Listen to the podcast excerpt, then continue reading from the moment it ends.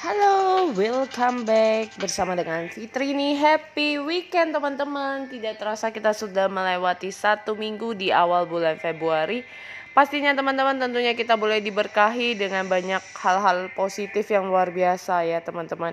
Dan hari ini teman-teman uh, mau bahas adalah tentang di masa-masa pandemik ini sebenarnya banyak ya hal yang bisa kita lakukan yang mungkin berubah haluan istilahnya dan saya pribadi belajar banyak hal melalui pandemi ini. Bahwa kadang di pandemi ini pasti orang mengalami yang namanya titik kejenuhan ya.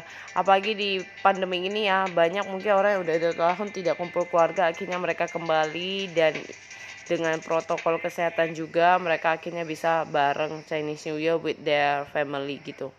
Nah teman-teman yang mau Fitri ini bahas adalah bagaimana sih kadang kalau misalnya ya sering banget kita itu kayak udah melakukan sesuatu di dalam perencanaan kita gitu ya. Udah lakukan tapi selalu sering adalah terbengkalai tidak sesuai dengan waktunya.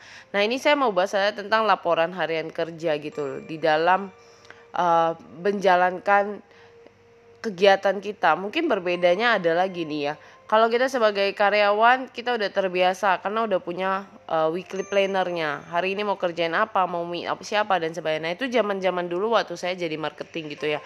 Itu wajib banget uh, activity reportnya. Hari ini ngapain aja ke mana aja hasilnya gimana closingnya berapa ada closing atau tidak kapan lagi mau closing dan sebagainya.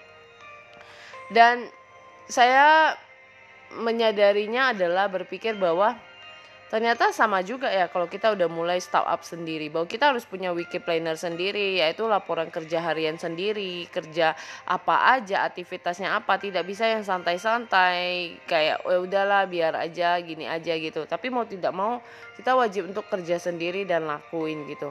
Nah teman-teman yang mau saya katakan adalah bedanya itulah kalau kita bekerja dengan orang dan kita memulai sendiri Pasti kadang waktu itu adalah waktu yang kita atur sendiri. Kalau di weekly planner yang di activity report, mungkin di kantor kita udah terbiasa dengan hari-hari yang kita lakukan.